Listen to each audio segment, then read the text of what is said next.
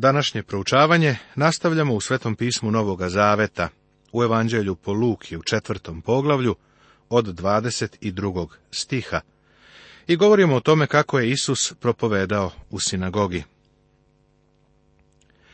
I svi su mu odobravali i divili se umilnim rečima koje su izlazile iz njegovih usta, te govorahu, nije li ovo Josifov sin?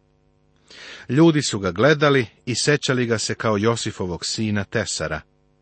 Ovo kao da je sve pokvarilo. Kako je on mogao biti Mesija? Luka vrlo jasno pokazuje da je on na sebe uzeo krhku ljudsku prirodu. I reče im, svakako ćete mi reći ovu poslovicu, lekaru izleči sebe samoga učini i ovde u svom zavičaju sve što smo čuli da si učinio u Kafarnaumu. Tada reče, zaista vam kažem da nijedan prorok nije dobro primljen u svom rodnom kraju. Zaista vam kažem, u Ilijino vreme je bilo mnogo udovica u Izraelju.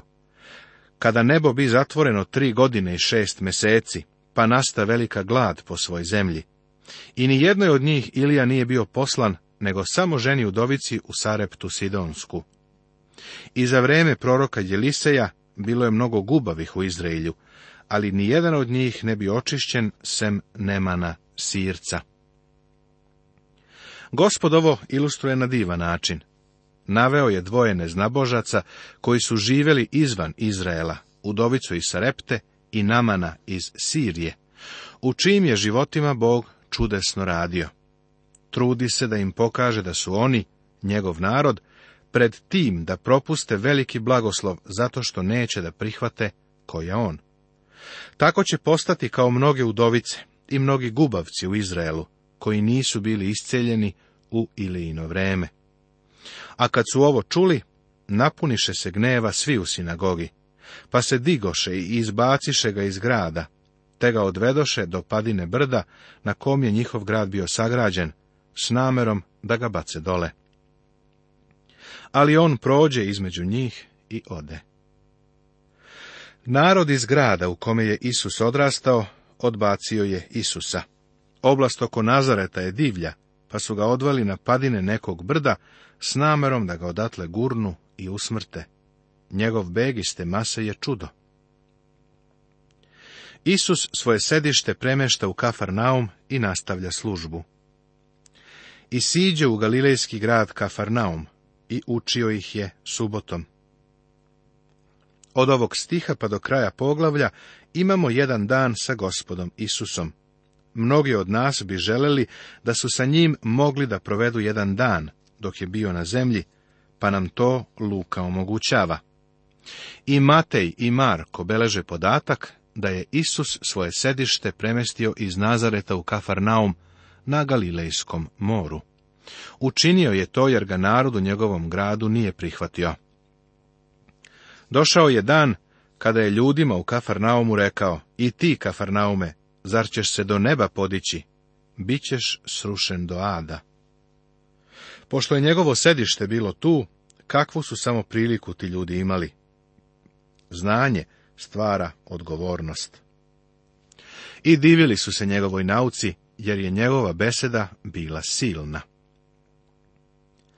Kada je gospod poučavao u sinagogi u subotu, nije to činio kao pismoznanci ili fariseji, nego kao onaj ko ima vlast. A u sinagogi je bio jedan čovek koga je opseo duh nečistog demona. Te povika veoma glasno. Ah, šta imamo mi s tobom, Isuse Nazarećanine? Došao si da nas upropastiš.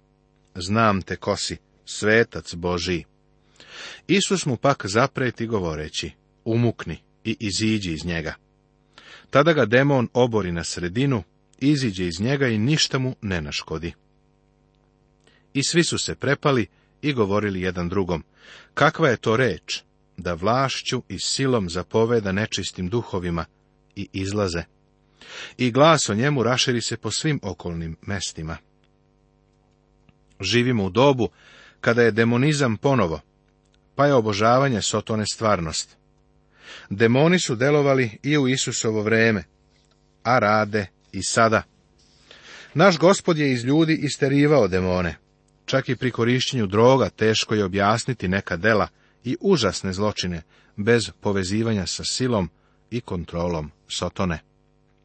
Tada ode iz sinagoge i uđe u Simonovu kuću, a Simonovu taštu beše uhvatila velika groznica, te ga zamoliše za nju, i nadnese se nad njom, zapreti groznici i ostavi je, i odmah usta i služaše ih. Kada je napustio sinagogu, izgleda da je gospod otišao u kuću Simona Petra, verovatno na podnevni obed. Dok je bio u Petrovoj kući, iscelio je Petrovu taštu. Ona je imala veliku groznicu. Ozbiljnost bolesti je iskazivana rečima da neko ima veliku ili malu groznicu. Ovo je očigledno bila velika bolest. Gospod je ukorio groznicu, koristeći Lukin medicinski rečnik, on ju je ukorio. Groznica je bila poput besnog psa, koji se otrgnuo sa lanca. Naš gospod je tako postupao i sa grehom. Tašta je odmah ustala i služila im.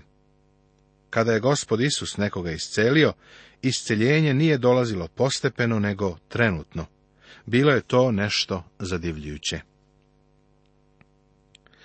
Ne tako davno slušao sam o jednom skupu koji je vodio neki iscelitelj verom. Dat je izveštaj da su nekog bogalja doveli na binu gde je objavljeno da je isceljen, a onda su ga odveli još uvek hramljući. Zatim je na binu došao neko ko je rekao da ima rak, a iscelitelj verom je ovoga proglasio trenutno isceljenim od raka. Zapanjujuće je kako ljudi prihvataju takav vid svedočanstva. Zašto hromi čovjek nije odmah isceljen? Da je gospod to uradio, isceljenje bi bilo momentalno. Prosto mogu da čujem kako neko pita, pa zar ne veruješ u božansko iscelenje? Moj odgovor je, a zar postoji neki drugi vid iscelenja? Svako iscelenje je božansko. To je ono što nam lekar Luka govori. Doktori ne uviđaju uvek ovu činjenicu. Jednom mi je jedan divni lekar, koji je bio član moje crkve, rekao, ja pišem izveštaj, ali gospod isceljuje. Ja vadim onaj deo koji ugrožava telo, ali će gospod morati da bude iscelitelj. Kakvo divno svedočanstvo! Bog, a ne čovek, isceljuje. A kad je sunce zašlo, svi koji su imali bolesnike od različitih bolesti, dovodeše ih k njemu a on ih je izlečio stavivši ruke na svakog od njih. Pa i demoni su izlazili iz mnogih vičući i govoreći ti si sin Božiji, a on im je pretio i nije im dozvoljavao da govore, jer su znali da je on Hristos. A kad se razdanilo, iziđe i ode na jedno pusto mesto. A narod ga je tražio, te dođoše do njega i držahu ga da ne ode od njih. Ali im on reče, Treba da propovedam evanđelje o carstvu Božijem i u drugim gradovima, jer sam zato poslan. I propovedao je po judejskim sinagogama. Ovaj svoj dan on je započeo ujutro, poučavajući u sinagogi. Sada je kasno uveče. Gospod izlazi napolje među mnoštvo naroda, koje se okupilo, i ide od jednog do drugog. Dotiče ih i isceljuje ih. Beležeći ovaj događaj, Matej citira proroka Isaiju. Da se ispuni, što je rekao prorok Isaija, on uze naše slabosti i ponese bolesti. Gospod je na divan način isceljivao. A on bolesti naše nosi i nemoći naše uze nase, a mi mišlja smo da je ranjen, da ga Bog bije i muči. Gospod je sa saosećanjem nosio bolesti ljudi uprkos tome da je izraelski narod u to vrijeme mislio da je on ranjen. Tako ga i mi danas ocenjujemo. Vidiš, on te ljude nije isceljivao na osnovu njihove vere, bar koliko mi znamo, nego ga je njegovo veliko saosećajno srce podsticalo u njihovu korist. Kazano nam je da i mi danas treba da imamo takvo saosećajno srce. Nosite bremena jedan drugoga, pa ćete tako ispuniti Hristov zakon, kaže poslanica Galatima u šestom poglavlju u drugom stihu. Poglavlje peto U petom poglavlju Isus po drugi put poziva svoje učenike. Očišćava gubavca, isceljuje paralizovanog čoveka, poziva Mateja, govori parabolu o novoj odeći i novim mehovima za vino. Isus po drugi put poziva svoje učenike. Kada je narod hrlio k njemu i slušao reč Božju, a on stajao kod Genisaretskog jezera, vide dva čamca kraj obale. Ribari su izišli iz njih i ispirali mreže. Ušavši u jedan od tih čamaca, koji je bio Simonov, zamoli ga da malo odmakne od kopna. Potom sede i učaše narod iz čamca. Genisaretsko jezero je, u stvari, Galilejsko more. Ribari su tu ostavili svoje čamce i prali su mreže. Gospod je ušao u Petrov čamac i rekao mu da pokrene čamac nešto dalje od obale. Kakva propovedaonica! Verujem da je ova ilustracija i figurativna i sugestivna. Svaka propovedaonica je ribarski čamac, mesto na kome se iznosi Božja reč i mesto gde se pokušava uloviti riba. On je ovim ljudima rekao da će od njih načiniti ribare ljudi. To ne znači da ćemo ti i ja uloviti ribu svaki put kad govorimo Božju reč. Nisu ni učenici, ali to znači da onaj ko je na palubi ne sme da zaboravi glavni životni posao, a to je lovljenje ljudskih duša. A kad presta da govori, reče Simonu, na vezi na dubinu i bacite svoje mreže za lov. Nakon što je gospod završio da govori ljudima, rekao je, sada ćemo prestati da lovimo ljude, pa ćemo preći na ribolov. Matej i Marko nam kažu da kada je Isus prvi put pozvao ove ljude, to je bilo kada je hodao pored Galilejskog mora i video kako Simon Petar i njegov brat Andrija bacaju mreže u more, jer su bili ribari. Gospod im je rekao, hajdete za mnom i učinit ću vas ribarima ljudskim. To je zapisano u Mateju i u Marku. Ovi ljudi su se vratili svom zanimanju, ribolovu. Gospod je očigledno tri puta učenicima uputio poziv. Većinu njih je susreo u Jerusalimu. Jovan nam o ovome govori u prvom poglavlju. Kada je Jovan Krstitelj ukazao na Isusa, Nekoliko njegovih učenika je želelo da sazna gde živi Isus. Među onima koji su sledili Jovana bili su Filip, Natanail, Simon Petar i Andrija. Gospod Isus nije ovog puta pozvao ove ljude da budu učenici, samo se susreo sa njima. Kasnije je gospod prolazio pored Galilejskog mora, video ih je kako love i pozvao ih da ga slede. Oni su ostavili svoje mreže i krenuli su za njim. Sada su se vratili svom ribolovačkom poslu. Kasnije će nam lekar Luka ispričati da ih je gospod još jednom pozvao da love ljude i tada ih je učinio apostolima. Dok je naš gospod sa Petrovog čamca govorio narodu, Simon Petar je sedeo na čamcu i slušao. Kada je završio svoj govor, Isus je rekao Simonu, Pokreni čamac u dubinu i spusti mreže. Završio si sa ribarenjem sa mnom, sada ću ja da lovim sa tobom. Simon mu odgovori i reče, učitelju, svu noć smo se trudili i nismo uhvatili ništa, ali na tvoju reč bacit ću mreže. Ali na tvoju reč bacit ću mreže. Ovo ukazuje na to da je Simon Petar pokrenuo raspravu. Ovi ljudi su bili stručnjaci za ribolov, pa su mislili da znaju sve o ribarenju na Galilejskom moru. I znali su. Petar vrlo jasno govori da su cele noći lovili i da ništa nisu ulovili. Postoji priča o britanskom vojskovođi Wellingtonu, koji je jednom prilikom jednom svom generalu izdao neko naređenje, a ovaj mu je odgovorio da je nemoguće izvršiti to naređenje. A Wellington mu je rekao, ti idi i uradi to, jer ja ne izdajem nemoguće naređenja. Kada gospod Isus Hristos izda neku zapovest, onda ne treba da se sa njim prepireš i govoriš, mi smo već pokušali pa nije vredelo. On ne daje nemoguće zapovesti. I kad to učiniše, uhvatiše mnoštvo riba, mreže im se čak cepale. Ribarenje mora da se sprovodi prema njegovim uputstvima. Ovdje imamo mnogo pouka. Ribolov je umetnost. Moraš da ideš tamo gde je riba.